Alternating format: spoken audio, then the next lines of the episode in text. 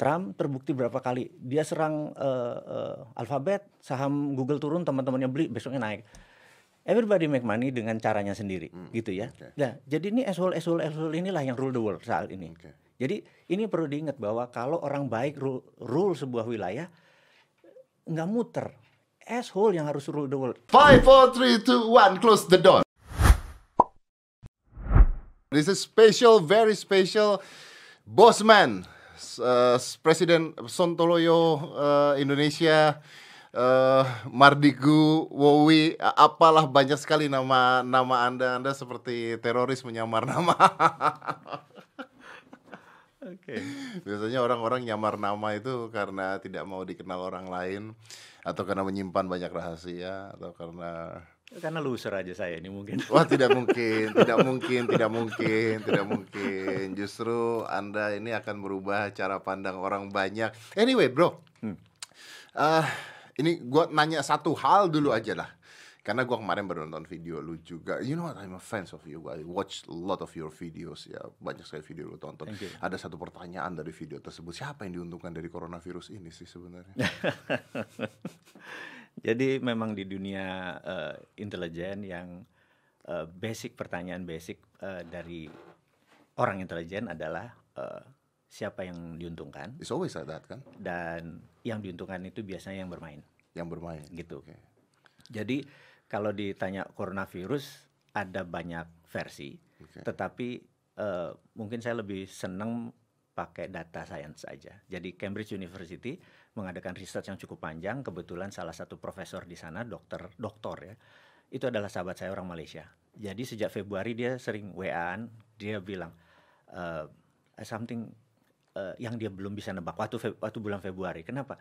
Karena behaviornya ini kok kayak AIDS ya, kata dia gitu. Hmm. Jadi, oh itu ngambil imunitas. Yes, dan kami sering kontak karena di dunia shadow uh, semakin banyak data itu semakin kita bisa uh, menjawab banyak hmm. pertanyaan. Jadi uh, sementara orang-orang yang di atasnya uh, shadow tadi yang dia perlukan adalah knowledge. Jadi orang-orang shadow itu dia ngambil data, data di analisa jadi informasi, informasi distrategikan jadi knowledge. Jadi bos-bos kita itu tidak memerlukan data, mereka perlu knowledge. knowledge. Jadi data-data tersebut penting, tapi masih raw data ya. Nah, Terus uh, informasi menarik adalah ternyata ada tiga versi. Ada tiga versi uh, yang diuntungkan. Uh, bukan uh, virusnya ini. Virusnya, oke. Okay, virusnya okay. ini. Let's, gitu. let's talk about this. Nah, yeah, okay. ad, ada tiga versi. Nah, pertanyaan saya adalah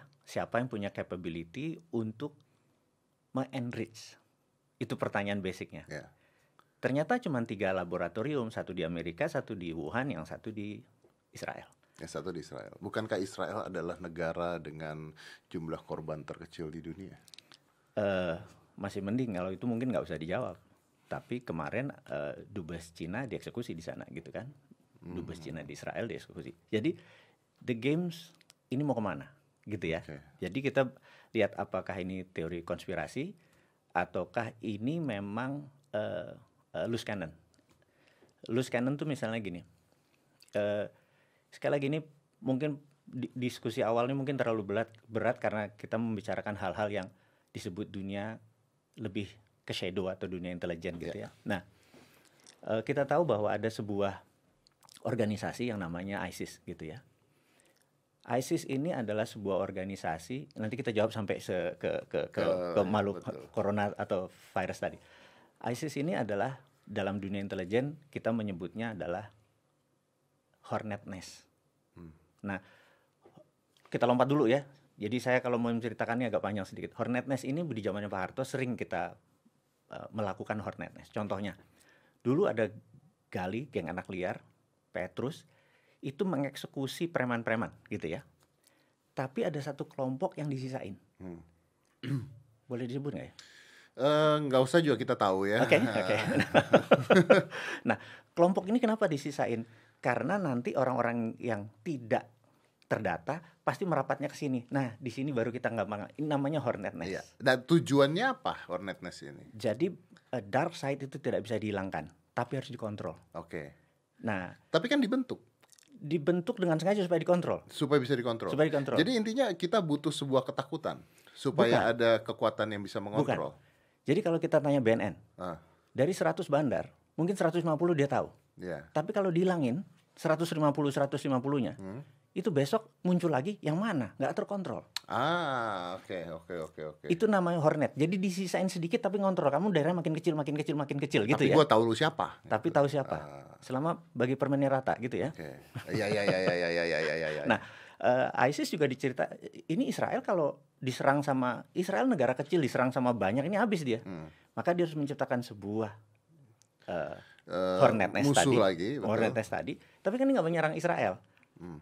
Nah, inilah nanti buat ngumpul. Nah, ini dieksekusi gitu ya. Hmm. Nah, dulu ada Pam Swakarsa, dan ini kalau diceritain Indonesia ya lompat lagi.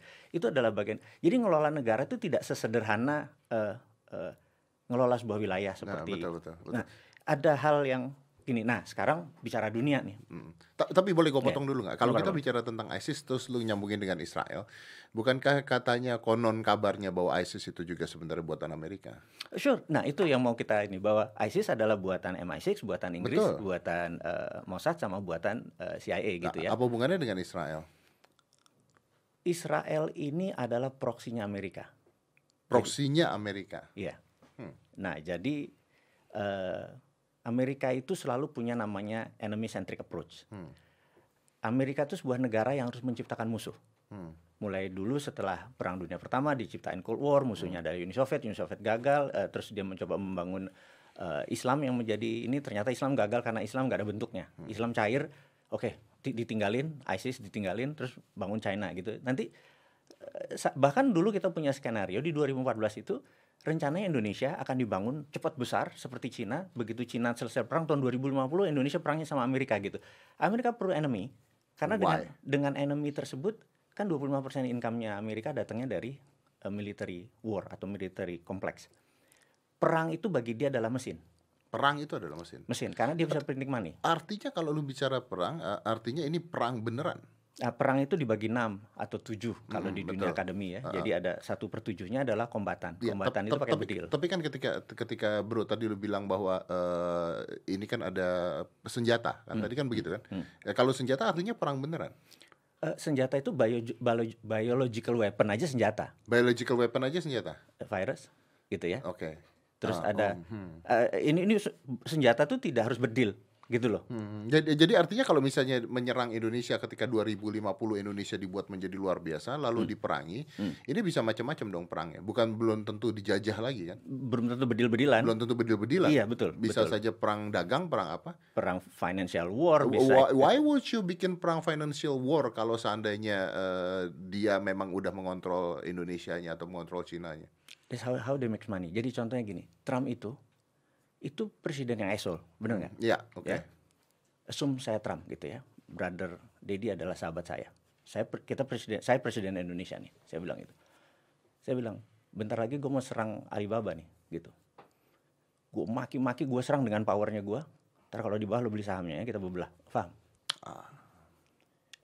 Trump terbukti berapa kali dia serang eh, eh, Alphabet, saham Google turun, teman-temannya beli, besoknya naik. Everybody make money dengan caranya sendiri, gitu ya. oke. Nah, jadi ini asshole, asshole, asshole inilah yang rule the world saat ini. Oke. Jadi ini perlu diingat bahwa kalau orang baik rule, rule sebuah wilayah nggak muter. Asshole yang harus rule the world. Eh, ini ini just illustration ya. Suatu hari nih mata bilang, mata kita bilang, eh lo tahu kalau nggak ada gua manusia ini nggak ada apa-apanya karena dia nggak bisa ngelihat, gitu ya. Tangan bilang, enggak. Kalau nggak ada gua, nggak ada tanda tangan, nggak ada yang segala macam. Ma- Mata nggak penting, tangan yang penting. Kaki bilang, kalau nggak ada kaki, gitu ya, lu nggak bisa jalan manusia yang gitu segala macam. Semua berdebat, jantung bilang, darah bilang gitu. Semua menunjukkan kekuatannya. Asshole, si lubang pantat nih, dia diem aja. Dia nggak ngomong. Satu hari nggak dua hari tiga, lima hari nggak pu, apa yang terjadi? Pala pusing, mata ini segala Ya. macam. Oke lah, begitu jalan, everybody, baru Everybody baru happy happy, lah ya, lagi gitu. oke. Jadi asshole rule Oke, gitu ya. Oke, oke. wow. Ya, ya, ya, ya, oke, oke. I get it. Jadi, jadi intinya adalah membutuhkan berarti so you're talking about this is all business then. This is all business. Ini ada uang di sana. Eh, Ini kan artinya sama seperti mafia obat.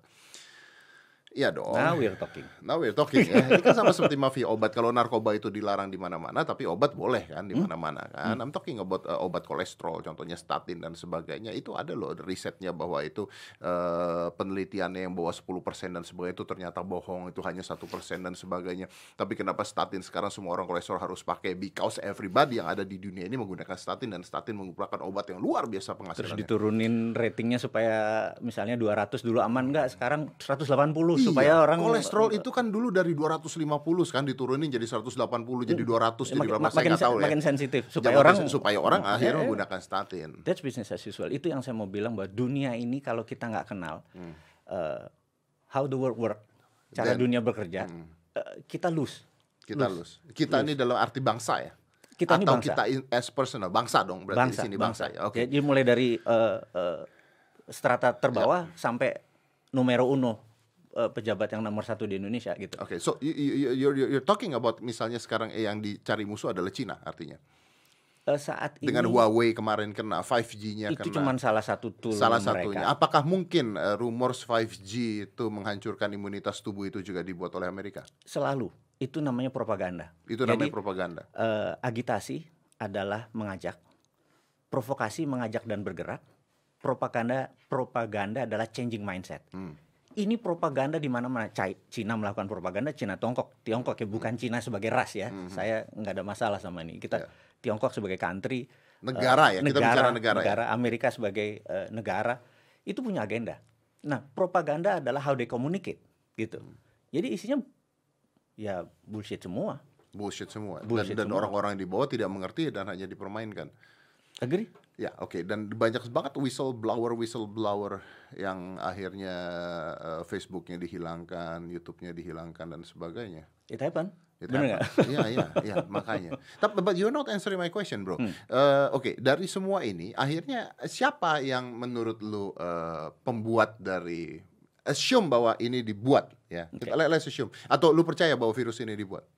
Oke, eh, berdasarkan data dari sahabat saya sebagai profesor di Cambridge University, saya confirm bahwa ini adalah dibuat. Ini So, adalah dibuat. Who will benefit daripada ini semua, Betul. gitu ya. Nah, menurut gua secara pribadi, eh, kita ini mem- membelah lagi ada nasionalis, ada globalis. Nah, ini ini harus membedakan ya. Trump itu nasionalis, Xi Jinping itu nasionalis. Tapi banyak pejabat di Indonesia adalah globalis. Ya, itu itu ha- harus harus dibelah-belah. Nah, globalis ini nggak punya religion dalam arti uangnya, uangnya dia nggak punya religion, uangnya nggak punya eh, country, dia bisa ke mana aja. Dan mereka ini banyak orang berpaspor eh, hijau, eh, tinggalnya di Singapura, bisnisnya di eh, Australia, marketnya di apa Cina, financial company-nya yang membiayai dia adalah di eh, Wall Street, kantornya di Hong Kong. Ini global citizen. Dia nggak punya nationality. Nah, kita tahu bahwa sejak tahun setelah gue harus memorizing sedikit.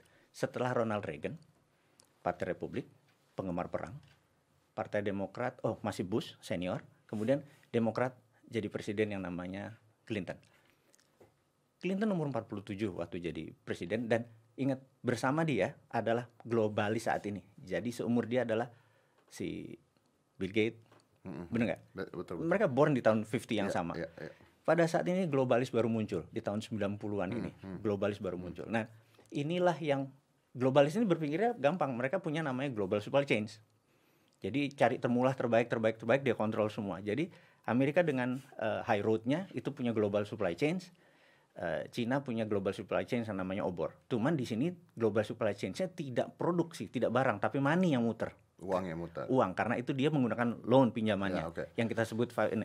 balik lagi kita ke ke ke who's benefiting jadi kita percaya bahwa dunia farmasi itu darlingnya adalah Obama karena Obama punya Obamacare selama 8 tahun dunia farmasi dulu tajir melintir gitu ya setelah Trump menjadi presiden dia tebas ini Obamacare yang darlingnya Trump adalah eh, industrial eh, Eh, military iya, complex iya, iya, gitu iya, ya ini bahasa Sundanya nyereh hati nih pasukan sakit hati nih Hmm. gitu mereka mendesain bahwa gua harus revenge Eh, gitu so- ya Siapa di belakang eh, siapa lawannya Obama nanti? Aduh kok gue lupa. Joe Biden Joe Biden itu bukannya CDC di belakang dia ya? Eh, yes Yes, that's juga. Jadi dia juga adalah uh, komisaris dari banyak pharmaceutical so, company. Be, gitu. Ya, ya, so, so basically kalau kalau misalnya uh, Donald Trump nanti tidak terpilih lagi, vaksin bisa keluar dong. itu gue mau ngomong itu barusan. Jadi itu, itu itu itu key yang membuat orang bilang Demokrat harus menang karena globalis di belakangnya, globalis farmasi ya di yeah. belakang dia. Dan ini jadi bargainnya. Karena itu Trump gimana cara Trump melawan? Dia fight sama China, hmm. tapi garansi dia nggak akan perang. Tapi China surrender. In a way ya, hmm. karena dua-duanya pedagang nih. Hmm. Nah begitu dia menang perang, nah di sini seninya gitu. Okay. Gitu. Okay. Ya, ini kan berarti uh, skenario satu. Hmm. Skenario satu adalah bahwa di, ini adalah buatan Amerika artinya. Hmm. Ini adalah buatan Amerika. Am, am I right? Am I right? Jadi dari dari tiga virus yang ada ya A, B, C gitu ya. A ini rootnya akarnya memang Amerika. Amerika. Jadi Dan yang, ini bukan Trump. Bukan Trump. Bukan Trump. Bukan Trump. Oke, okay, oke. Okay. Makanya dia tidak setuju dan dia mau buka dan sebagainya. Gimana? Ah, oke, okay. let's go with skenario satu hmm. ini adalah buatan Amerika. Hmm. Tujuannya adalah untuk uh, satu, uh, yaitu tadi globalis nyari duit dari farmasi itu satu dan menjatuhkan Trump. Betul. Oke. Okay. That's explain pertanyaan semuanya. Pertanyaan semuanya. ya, that's true. Nah, uh, artinya kalau misalnya ini terjadi, uh, apakah IMF ada di belakang ini? Ini benda benda benda lain lagi nih. Benda lain lagi ya. Benda lain lagi. Benda lain lagi. Oke, okay, let's talk about that later dah kalau misalnya begitu later. Oke. Okay. Nah, uh, gimana Trump bisa mengatasi ini kalau tidak ada uh, solusinya? Berarti kalau begitu Trump hancur gara-gara ini atau dia ad, ada tidak kemungkinan untuk Donald Trump to reverse these things and win? Uh, saya sebenarnya uh, di tengah-tengah ini saya sebenarnya ingin ingin ingin kita take the moment. Indonesia ini ngambil momen untuk nyalip di tikungan. Mereka ini lagi perang. Hmm. Ini momen untuk Indonesia ngambil. Jadi Indonesia jangan nunggu virusnya belum datang gitu ya. Kita terlalu nunggu. Jadi gini, ini yang dilakukan Trump akan dilakukan. Jadi kita udah udah udah mem, udah mulai memprediksi. Hmm. Jadi gini, sebenarnya Indonesia harus memiliki sebuah uh, koefisien yang gimana caranya supaya uh, kita menang lawan virus ini kita kemarin menyatakan diri kita uh, berdamai. Gini, kalau saya berantem sama Mas Dedi, saya milih berdamai artinya dua belah pihak sepakat berdamai. Ya. Ini artinya saya pakai bendera putih, Mas Dedinya bilang gue sikat lu bener ya. Virusnya mau nyikat terus aja. Ya, damainya di mana gitu? Damainya ya. Dari dari di, dari sisinya Sebenarnya gak, lebih lu menyerah dibandingkan lu berdamai gitu kan. Iya. Kan? Nah, okay. bagi saya lucu kata damai ini menjadi tidak relevan. Hmm. Karena musuhnya nggak nggak nggak kita nggak nggak komunikasi dengan dia. Hmm. Itu kalau menyerah lain, I'm surrender pakai bendera putih. Tapi dia juga gak ngerti bendera putih hmm, artinya apa hmm. gitu ya. Nah, how to beat the enemy gitu ya. Musuh kita ini yang disebut, ini bukan musuh Indonesia loh, ini musuh humanitarian. Ya, ya. Nah, yang kita mau usulkan nih sebenarnya ke gugus tugas segala macam adalah, yuk kita punya rumus sendiri. Jadi kita sepakat pakai herd immunity, udah. Hmm. Ya, kita pakai self defense kita, pakai heredity, kita pakai imunitas kita sendiri gitu. Nah, hmm. tapi di sini yang kita cuma memisahkan mana yang bisa berenang, mana yang nggak bisa berenang, gitu ya. Yang nggak bisa berenang adalah kalau kena uh, COVID, chance survive-nya cuma 20%, 80% akan meninggal misalnya. Nah, yang 99,9 tadi yang bisa berenang, itu chance survive-nya 99%. Ya, okay. Nah, gimana cara misahnya gitu ya? Nah, sebenarnya gini, di data kematian itu ada postmortem gitu ya. Di data yang sakit itu namanya ada antemortem. Ambil ini data antemortem sama postmortem tadi, nanti ketemu sebuah delta equilibrium yang oh yang sakit panu tingkat kematiannya 99%. persen. Hmm. Yang ini ini ini ini enggak hmm, gitu ya. Hmm, nah, hmm, maka yang hmm. sakit panu langsung di corner semua. Ya, bukankah itu yang mau dilakukan bahwa orang-orang berusia 45 tahun ke bawah atau 50 tahun ke bawah sudah mulai nanti bisa bekerja lagi? Itu one of the way, right? No. Itu no? karena tidak pakai saya mau nanya koefisiennya risetnya mana gitu maksudnya? Iya. Risetnya apa gitu. Iya. Oke. Okay. Itu enggak enggak begitu okay, gitu. Okay. Nah, itu kita mau data science itu kira-kira Ya, yeah, but, but uh, you know that bahwa uh, herd herd immunity ini buat orang-orang yang ngerti herd immunity itu kan artinya sekitar 80% orang harus terkena dulu atau harus imun dulu dengan dengan coronavirus hmm, ini. Which is bisa dilakukan dengan dua cara. Yang satu adalah vaksinnya sudah ada makanya terjadilah herd immunity. Kalau tidak salah tuh ada di apa misol dulu penyakit misol juga seperti cacar. itu, cacar. Nah, yang kedua adalah harus semua orang kena dulu, not semua ya, uh, majority kena, maka terjadilah herd immunity karena yang belum kena ada di tengah-tengah dan mantul-mantul kan sistemnya gitu kan, ada blue dot, ada red dot, ada yellow dot, mantul-mantul gitu ya. Betul. Nah, yang jadi masalah kan yang sekarang diperbincangkan adalah if we do herd immunity, maka rumah sakit kita tidak cukup untuk mengontrol orang-orang jebret sakit semua pada saat itu and what? You gonna left them die. Oke. Kalau kita udah pisahkan tadi yang bisa berenang sama yang nggak bisa berenang, sebenarnya yang tidak pakai ke rumah sakit. Kenapa bisa nggak ke rumah sakit? Karena, Karena- mereka diisolasi sendiri. Karena diisolasi sendiri karena memang chance-nya dia untuk survive-nya udah besar. Yang panuan ini yang nggak bisa berenang ini yang chance-nya ini. Tapi kalau udah dipisahin seperti tadi ketemu koefisiennya kan sekarang kita oh mungkin yang kira-kira yang penyakit asma kira-kira katanya. Nah itu loh yang saya nggak senang itu adalah katanya. Menurut riset. Kenapa Indonesia nggak punya eh, lembaga riset sendiri atau lem- eh, yang kita yang Iya kita yang menyatakan gitu. Saya tuh capek kalau apa-apa. Menurut Cina, menurut Amerika gitu. Kapan percaya sama bangsanya sendiri sih gitu? Itu yang saya mau challenge sekarang ini ke pejabat sekarang. Percaya sama bangsa sendiri ini bisa kok dihitung gitu ya. Karena itu kita mau tanya virus yang ke Indonesia itu virus A, virus B atau atau Karena, karena virus C? banyak, banyak katanya virus-virusnya berbeda-beda juga. Itu katanya. makanya nah, berarti kan postmortemnya dan antemortemnya harus punya sendiri equilibriumnya equilibriumnya kita sendiri anyway gitulah kira-kira. Yang menarik adalah kemarin gue membaca sebuah artikel juga dan Hmm. ada kata-kata juga dari dokter Ronda, gue lupa namanya, dokter eh, dokter Ronda Patricks, dokter Hmm. Ronda Patricks dia mengatakan bahwa dia di Indonesia ini dokter di Amerika ya.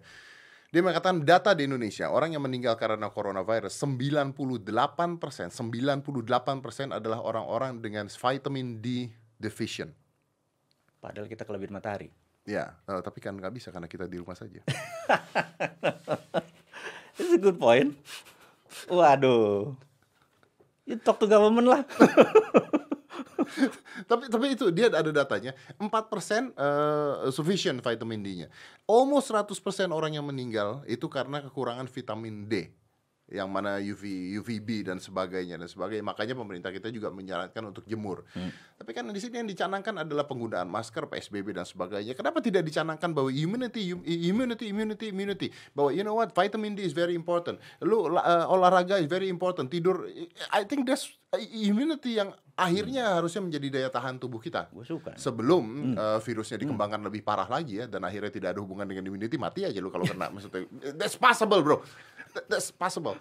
Tapi coba kita lihat berapa banyak eh, apa namanya campaigns tentang eh, olahraga? Berapa banyak campaigns tentang makanan sehat? Berapa banyak campaigns tentang eh, vitamin D dan eh, cahaya matahari ya berapa banyak di- Padahal jauh lebih murah itu daripada swab test. jauh lebih murah itu dibandingkan beli masker walaupun masker kain Iya. sekarang gratis Iya, gitu iya, iya. kan tapi kan dicanangkan pemerintah adalah itu I know I understand bahwa pemerintah juga stres kalang kabut dan nggak tahu mesti gimana in fact kemarin gue mencoba untuk mengirim video ini ke Pak Mahfud MD Oke. Eh, Pak, saya punya video begini dan ini dokter bukan sembarangan orang. Dia tidak bicara tentang konspirasi, dia bicara tentang fakta. 98% orang meninggal karena vitamin D, kekurangan vitamin D di Indonesia. Iya. Gue takutnya gue ngomong begini, nanti vitamin D akhirnya harganya jadi naik. Again. Matahari nggak ada yang nggak ada yang mahal kok. Tapi kenapa? Iya. Tapi kan tidak bisa jalan keluar. Kan? Iya benar. benar. Nah, oke. Nah, ini ini menarik. Eh, tapi eh, you're not answering me. Apa yang bisa dilakukan Trump untuk melawan ini? Oke. Kalau we are on the Trump side, kalau kita ada di Trump side. Jadi eh, ini kita berandai-andai eh, berdasarkan data yang ada dulu ya. Data might change every day gitu ya. Jadi saat ini Trump itu memanggil 13 shadow man. Jadi dulu dia kan sangat mengidolakan Ronald Reagan. Bahkan eh, Make America Great Again adalah eh, moto kamp- kampanyenya Iya, Ronald iya, Reagan iya, gitu ya. iya. Nah, eh, masterpiece-nya Ronald Reagan itu ada dua. Nomor satu adalah dia punya 13 orang shadow man, benar-benar shadow, nggak tahu siapa dia. 13-nya mendesain dan tidak ada orang tahu, terus dia operate untuk menggagalkan atau membubarkan USSR atau Soviet. Sorry bro, sebelum lu lanjut lagi, eh, please remember that. Tapi ini penonton kita masih akan bertanya-tanya. Mungkin ada yang ngerti, ada yang nggak ngerti. Ini ini kita bicaranya Illuminati atau bukan? Oke, menarik. Ilum, ilu- Illuminati adalah sebuah pemahaman enlightenment. Illuminati kan pencerahan sebenarnya, di mana di tahun eh, masa gelap dark side-nya eh, sisi Eropa Ya, dulu. sisi Eropa. itu. Orang-orang yang free thinker free thinker ini illuminate ini yang membuat ide-ide ini dan semacam. Jadi Illuminati nggak ada hubungannya sama money dengan kekayaan. Ini adalah free thinker yang Berarti ide-ide. ini adalah hal yang berbeda ya. Iya, jadi science itu banyak Illuminati. Jadi bagi bagi seseorang yang mengontrol vaksin atau mengontrol coronavirus itu Illuminate dia. Tapi dia kill other people gitu ya. Ah, Oke, oke, oke. Tapi ini shadow man shadow man ini bukan itu maksudnya ya? Bukan. Kita tidak bicara itu Dia ya. mendesain gimana caranya karena kan ada negara tuh ada struktur gitu ya. Hmm, Jadi kadang-kadang kita harus mengajari bahwa kadang-kadang kita harus bergerak shadow atau non struktur Oke, gitu. Nah, ini bergerak non struktur ini 13 ini berhasil menggagalkan atau berhasil me, eh, Soviet bubar aja Hmm. tahun 89 91 eh, dengan dikeringkannya do- eh, eh, apa mata uang dan lain sebagainya. Nah, ada satu masterpiece yang mereka tinggalkan adalah eh, Reagan dulu ada kesepakatan dengan Deng Xiaoping Hmm. di mana 40 tahun setelah kesepakatan itu Cina berjanji, Tiongkok berjanji untuk menjadi negara demokrasi, demokrat. Demokrasi ada di China tuh sebenarnya nggak nggak mutlak, hanya ada pemilihan langsung aja, gitu ya. Jadi nanti mungkin kepala daerah pilih langsung, udah. Tapi PKC Partai Komunis Cina pemilihan segala macam dia terserah dia dia masih itu. Nah, eh itu masih dikawal sampai Bush masih dikawal. Kemudian setelah tahun 90-an, nah China ini pinter sekali. Di tahun 89 ada buku yang menarik judulnya The New Tiananmen Papers. Oke. Tahun 89. Tahun 89 tuh Deng Xiaoping dihadapkan sama mau demokrasinya mau dijalanin sekarang atau 11 petinggi politbiro bilang, kalau lu jalanin pet- potong 11 petinggi ini. Deng akhirnya oke oke oke, lu maunya apa? Dia bilang gitu. Fuck IMF, fuck World Bank gitu. Terus kita create our, our own money. Karena itu dia punya dua dua sistem, ada renminbi, ada yuan. Nanti saya mau cerita sampai sana aja deh. Nah, ke sebelas inilah yang akhirnya membuat grand plan China 40 tahun ke depan. Nah, di tengah-tengah itu dia main dua kaki nih. Jadi pada saat Amerika punya kesadaran tentang globalis, Amerika langsung pindahin pabriknya ke China. Itu pinternya China. Karena Pinternya China adalah imitating country. Semua ditiru. Jadi bukan amati tiru modifikasi, amati tiru. Plek, gitu. Nggak usah pakai modifikasi. Enggak ada, amati tiru plek udah ngikuti gitu ya. Nah, itu yang dilakukan. Ternyata Cina itu punya kan ala bisa karena biasa. Akhirnya dia dari imitating country menjadi mastery, And akhirnya menjadi creating akhirnya. innovation country sekarang gitu ya. Nah, karena itu saya kalau di eh, kalau kenapa saya suka eh, di dalam video atau di YouTube saya di tengah ngomong saya selalu nyentil pemerintah tuh adalah bilang Kenapa kita nggak bisa seperti itu gitu maksudnya? Kenapa sih Oke. lu nggak izinin imitating? Imitating aja. Oh ini nggak boleh, ini harus pura-pura nggak tahu aja. Eh governmentnya, wah kami tidak setuju begini-begini tapi udah niru gitu ya. Asik-asik aja di bawah itu. Jadi kita main dua kaki gitu loh. Jadi kalau orang putih banget yang menjadi pejabat ini, oh gua nggak pas deh gitu ya. Putih tuh di depan di belakang mah kita orang main-main juga gitu ya. Ya, Ya, gitu itu. Nah eh, akhirnya pindah eh, China jadi negara besar gitu ya. Nah waktu itu Amerika masih fokusnya di energi. Jadi dia apa-apa ke Timur Tengah, mengontrol Timur Tengah karena you control energi, you control the country gitu Yep, kan. yep, yep. Nah dia sibuk-sibuk-sibuk ternyata Cina membangun infrastruktur industri dan lain sebagainya. Mereka begitu sadar tahun 2008 pada saat Olimpiade China, gila nih China dalam 20 tahun saja China menjadi besar gitu ya. Nah mereka kaget. Ternyata menjadi superpower terus sekarang rekeningnya mereka di 2017 di, udah di atas Amerika Ya, ya, surplusnya. ya, ya. Amerika bilang eh nggak bisa karena Amerika tuh punya foreign foreign policy. Jadi George S. F. Kennan, George F. Kennan adalah menteri luar negerinya Amerika yang tahun 40-an membuat namanya Long Telegram, buku I'm sorry, brother. Gue tuh baca buku so many setiap bulan. Jadi gue harus apa-apa refer buku, refer buku. Oke, oke, oke, oke, oke. Nah, judul bukunya Long Telegram gitu ya. Nah, di sini eh, Cannon bilang bahwa Amerika tuh 5,7 persen penduduk dunia, tapi menguasai kekayaan 60 persen. We want to keep it that- we want to keep it that way forever. Jadi dari tahun 40-an emang udah di set bahwa Amerika tuh yang cuma 5,7 persen penduduk dunia, 60 persen Iya. kekayaannya harus Now is it beaten by China? no. Jadi gini, memang secara country Amerika 25 persen, tapi Wall Street menguasai 45 persen. Jadi 65 persen masih Masih. dan Amerika negara swasta, brother, bukan Ya, negara. ya, nah, ini ya. harus diingetin lagi. Ya, ya, Jadi swastanya dia emang gede. Jadi saya bisa cerita tentang panjang bahwa ini negara swasta. Nah, tetap 60 persen. Jadi Tencent, Alibaba listingnya di mana? Di Shanghai atau di Wall- di di, di Dow Jones? Di apa sorry di di Wall Street. Wall Street. So who owns gitu ya? Jadi kenapa dia memuji uh, Mark Zuckerberg, memuji Warren Buffett, si Jack Ma? Sama lah kalau perusahaan gue diinvest juga gue kan memuji terus Zuckerbergnya Yeah, kan Because it's there. ya. because dia Because yang it's punyanya there, gitu. ya. Nah, ini harus dunia harus melihat bahwa bukan China yang yang yang eh, ini, tapi ini ada sebuah keseimbangan. Nah, yang mau dikontrol Amerika itu adalah surplusnya tadi eh too much gue mau, mau mau mau balancing dia naikin dengan trade gitu ya ini cuma mau mau mau rebalancing aja. Rebalancing ya. Jadi gitu. artinya Amerika tidak menerima bahwa Cina maju dengan begitu pesatnya kan intinya kan? Dia dia ya kalau itu masih Demokrat yang jadi presiden hmm. karena mereka enjoy karena pabriknya semua di Amerika. Mereka hmm mereka nambah kaya. Tapi, tapi Trump tidak terima itu. Karena secara country-nya turun. Secara country-nya turun, malah Cina yang naik. Cina yang naik secara iya, country. Iya, betul. Tapi Akhirnya, secara swasta Amerika naik gitu. betul. gitu. tapi kan dia takut kan, intinya Amerika yes. tetap takut. Oke. Okay. Betul, betul. Ya, tapi uh, oke, okay, assume bahwa ini dibuat memang dan sebagainya, lalu Trump nggak bisa ngapa-ngapain dong sekarang. So what? He gonna lose now? No, jadi gini, Trump itu pengusaha nggak ada matinya. Mm -mm. Base-nya dia pengusaha dia ngambil teman-teman yang tadi 13 shadow man itu ternyata 8 masih hidup. Hmm. Sekarang udah seminggu ini di di di Oval House, di Oval Office, di West apa West Wing, every day sama 8 orang ini dia berdiskusi. Makanya saya bilang, "Waduh, I wish I know apa yang diomongin di dalam itu karena okay. pasti ini game so, there is banget. A plan. There is a plan. There is a plan. Hmm. Wow. Hmm. Ini yang jadi saya berharap wah gimana ya kalau ada Pokemon Go masuk ke sana gue pengen denger tuh karena bagi orang kayak gue adalah data is everything, bener nggak? Ya, ya gitu. kita nggak bisa ngomong kalau kita nggak punya datanya hmm, itu juga ya. Hmm, so, hmm, so basically di sini mengatakan bahwa uh, Trump tidak akan menyerah begitu aja artinya. Jadi saya malah curiga, malah curiga. Jadi FDR Franklin Delano Roosevelt sekali lagi saya ngomong Amerika bukan berarti karena Amerika minded banget ya. Saya ingin hanya how the work worknya saya harus kasih tahu gitu ya. Jadi FDR Franklin Delano Roosevelt itu waktu per, tahun Perang Dunia Kedua untuk tidak menjadikan ada uh, apa namanya uh, election, dia declare war. Hmm. Jadi dia presiden tiga kali di Amerika. Ya, ya. Tiga setengah kali malah. Ya, gitu. Karena ada kejadian-kejadian seperti itu, nah, maka diundur dan sebagainya. Ya, you know Jadi kira-kira Trump mungkin lakukan itu nggak? Oh. Kalau lihat dari narsismnya dia, psychological dia, dan what's in it for me, uh, psikologinya dia. Are you are you saying that it can be a war? Yes.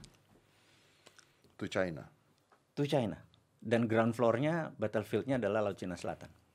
And you're talking bedil-bedilan. Bedil-bedilan. Jadi karena itu perangnya kan naval, perang laut ya, perang laut. Jadi kita tahu bahwa uh, kita sekarang secara fakta bisa lihat kok di di Google Earth uh, equipment equipment uh, China sudah ke pantai timur dan navalnya sudah Seven Fleet ada empat uh, apa Seven Fleet adalah armada ketujuh namanya dulu namanya US PACOM United States Pacific Command sekarang United States Indo Pacific Indo Indo Pac ini ini Jenderal Bintang 4 sudah duduk di sana bahkan yang dari uh, Six Fleet dari uh, Eropa sudah mulai merapat. Jadi mereka udah udah standby. Nah, mungkin misilnya China akan merubuhkan 70% navalnya ini. Tapi ini kalau ditembak ini Shanghai rata tanah. China nggak berani ngambil resiko itu. So what China do? Pasti negosiat karena Xi Jinping pedagang, Trump pedagang. Artinya kalau negosiat, oh tapi masalah masalah presiden pemilunya jadi mundur ya? Menurutku kan itu November. Hmm. Makanya saya selalu bilang September is key point untuk memenangkan Trump atau tidak.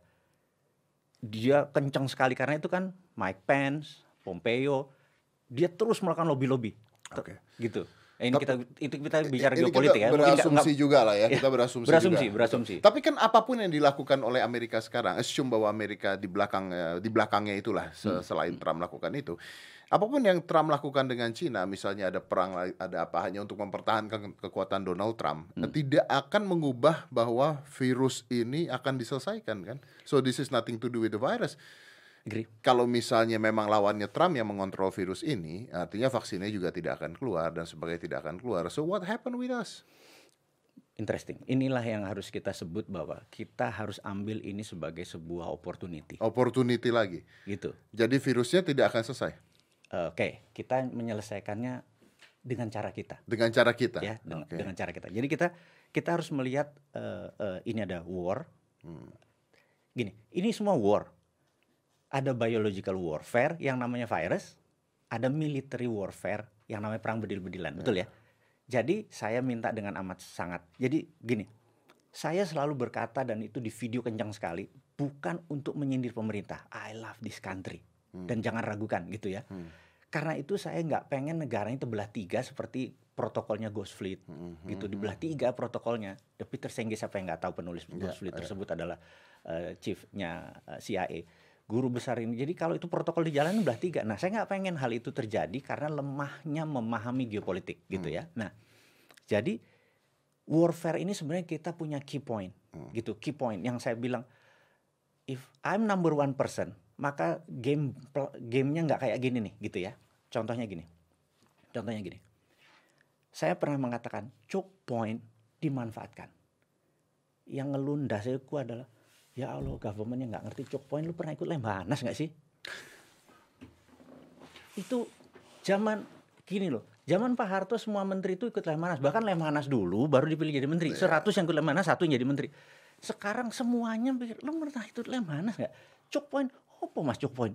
Lah ngeluh pala aku dalam bahasa lu ngeluh pala gue kalau lu nggak ngerti apa choke point gitu ya. Choke point itu begini di dunia ini ada enam selat utama. Hmm disebut selat utama karena dilewati oleh mother vessel, oleh uh, trade kapal-kapal trade. Empat ada di Indonesia, dua di luar Indonesia yang namanya terusan Panama, terusan Suez. Ya. Yang ada di Indonesia itu adalah Selat Malaka, Selat Sunda, Selat Lombok, sama Selat Makassar. Kenapa? Kalau brother adalah eksportir dari Australia, katakanlah batu bara, mau ngirim ke Korea, lewatnya mana? Ya sana-sana juga berarti. Lewatnya kan? Selat Lombok, Makassar yeah, benar nggak? Yeah, nggak mungkin yeah. di laut Papua gini yeah. bisa tiga empat hari lebih yeah, lebih lama, yeah. gitu ya. So Sekarang, iya yeah, sorry, what you gonna do? Ah, ini ini nah, nanti saya, kita tahu di utara Indonesia, entah itu Jepang, mm-hmm. Hong Kong, uh, Korea, Taiwan, China, itu adalah negara produsen. 20 persennya pergi ke North Amerika, 80 persennya pergi ke Asia Barat dan uh, Eropa, pasti lewat Selat Malaka. Karena itu Selat Malaka satu tahun ada 100 ribu mother vessel gede-gede okay. gitu ya.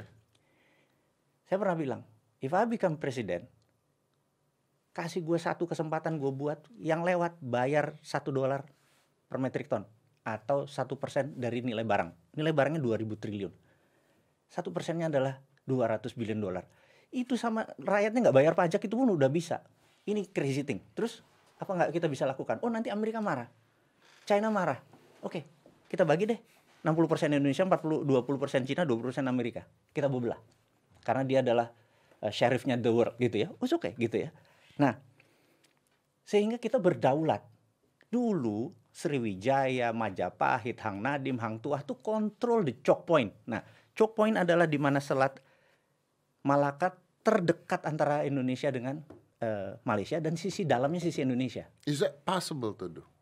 Nah, Amerika kemarin tanggal 28 April minta choke untuk dibuat pangkalan militer. Tanggal 1 Mei boleh cek. China bilang jangan dikasih. Apa jawaban Indonesia? Kami adalah negara netral, kami tidak berpihak. Saya bilang that's stupid, saya bilang kayak gitu. Ini adalah moment of greatness dengan choke tersebut. If I were the number one person, maka saya bilang oke okay, Amerika, lo mau pangkalan militer untuk mengganti. Karena kalau dicok begini, Cina mati Kasih tiga minggu Cina rata nggak bisa punya karena bahan bakar dia kan semua dari Selat Hormuz. Saya bilang sama ini, bargain saya sama Trump, duduk sama semua kabinet saya bilang, all along gue kasih ini, tapi gue minta selama lima tahun gak ada bunga IMF, gue minta dolar masuk ini segala macam FDI, gue minta obat-obatan dan virus bawa eh, ngerti? But by that kita akan putus hubungan dengan Cina dan kita akan Wait, hubungan. Enggak. jadi kasih penawaran ke Amerika yang Amerika nggak bisa execute dengan cepat. Sama China bilang, lu jangan kasih yes. Tapi seluruh investasi di sini nol ya. So dua-duanya nggak bisa ngambil keputusan dalam satu dua bulan berapat. Nah keburu perang dia karena keburu gini, perang kita sudah ngambil. Nah di situ kita punya standpoint. Ingat dia punya deadline adalah November si Amerika yeah. ini terhadap China. Yeah. Jadi kalau brother suka main catur, yeah. kita kadang-kadang kalah langkah tapi menang menang waktu. Yeah, you yeah, dead yeah. pak kalau lu kalah waktu bener nggak? Yeah, nah yeah. dengan menang itu kita tidak di pihak Cina, kita tidak di pihak Amerika, tapi dua negara ini bilang you you, you know the standpoint gitu ya. Hmm. Nah, kasih penawaran yang they cannot kerjakan. Tapi kalau sekarang netral. Apa yang terjadi begitu damai? Ah, lo bocah yang lu gak pegang gua lo. Bener gak? Habis kita disikat sama dua-duanya. Ini yang saya mau bilang bahwa kalau ngerti geopolitik geostrategi, gini loh cara ngelola negara gitu loh. Karena itu saya video saya yang baru 300 itu temanya cuma satu cara cerdas bernegara. Bernegara itu ada tujuh hmm. pilarnya. Hmm. Ipolek Sosbud Hankam, ideologi politik, sosial, ekonomi, budaya, so, pertahanan dan keamanan. Hmm. Ini kita mau ajarin masyarakat Lemhanas lewat udara gitu Ya, loh. ya. Ini kan artinya juga kalau kita bicara seperti itu kan artinya juga kita bisa dengan adanya choke point ini terus dengan mereka perang dan kalau mereka perang dan sebagainya artinya kan kita punya UMKM juga bisa didanai, dimodali dan sebagainya untuk kita seperti Cina. Now kan? you're communicating. iya kan? Iya kan? Now you got the idea gitu bahwa ternyata kita punya bargain ini akhirnya oke oke oke gue jadi dua-duanya akhirnya akan akan akhirnya choke point itu tetap kita ngontrol gitu loh Kita maju gitu ya. kita maju So kita ngambil advantage dari adanya COVID-19 ini.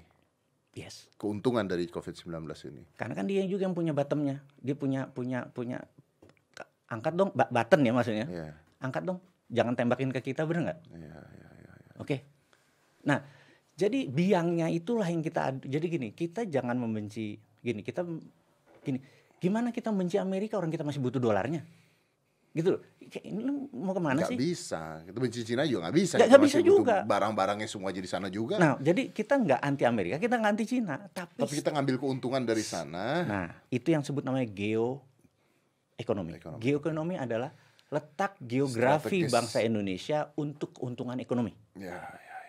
Geopolitik adalah letak geografi Indonesia untuk keuntungan Keuntungan politik. oke. Lu ngerti nggak memanfaatkan aset ini? Karena Masa masa Nah. ide Anda itu tidak pernah terdengar sama sekali dan dipikirkan kalau memang ide Anda itu benar, Pak.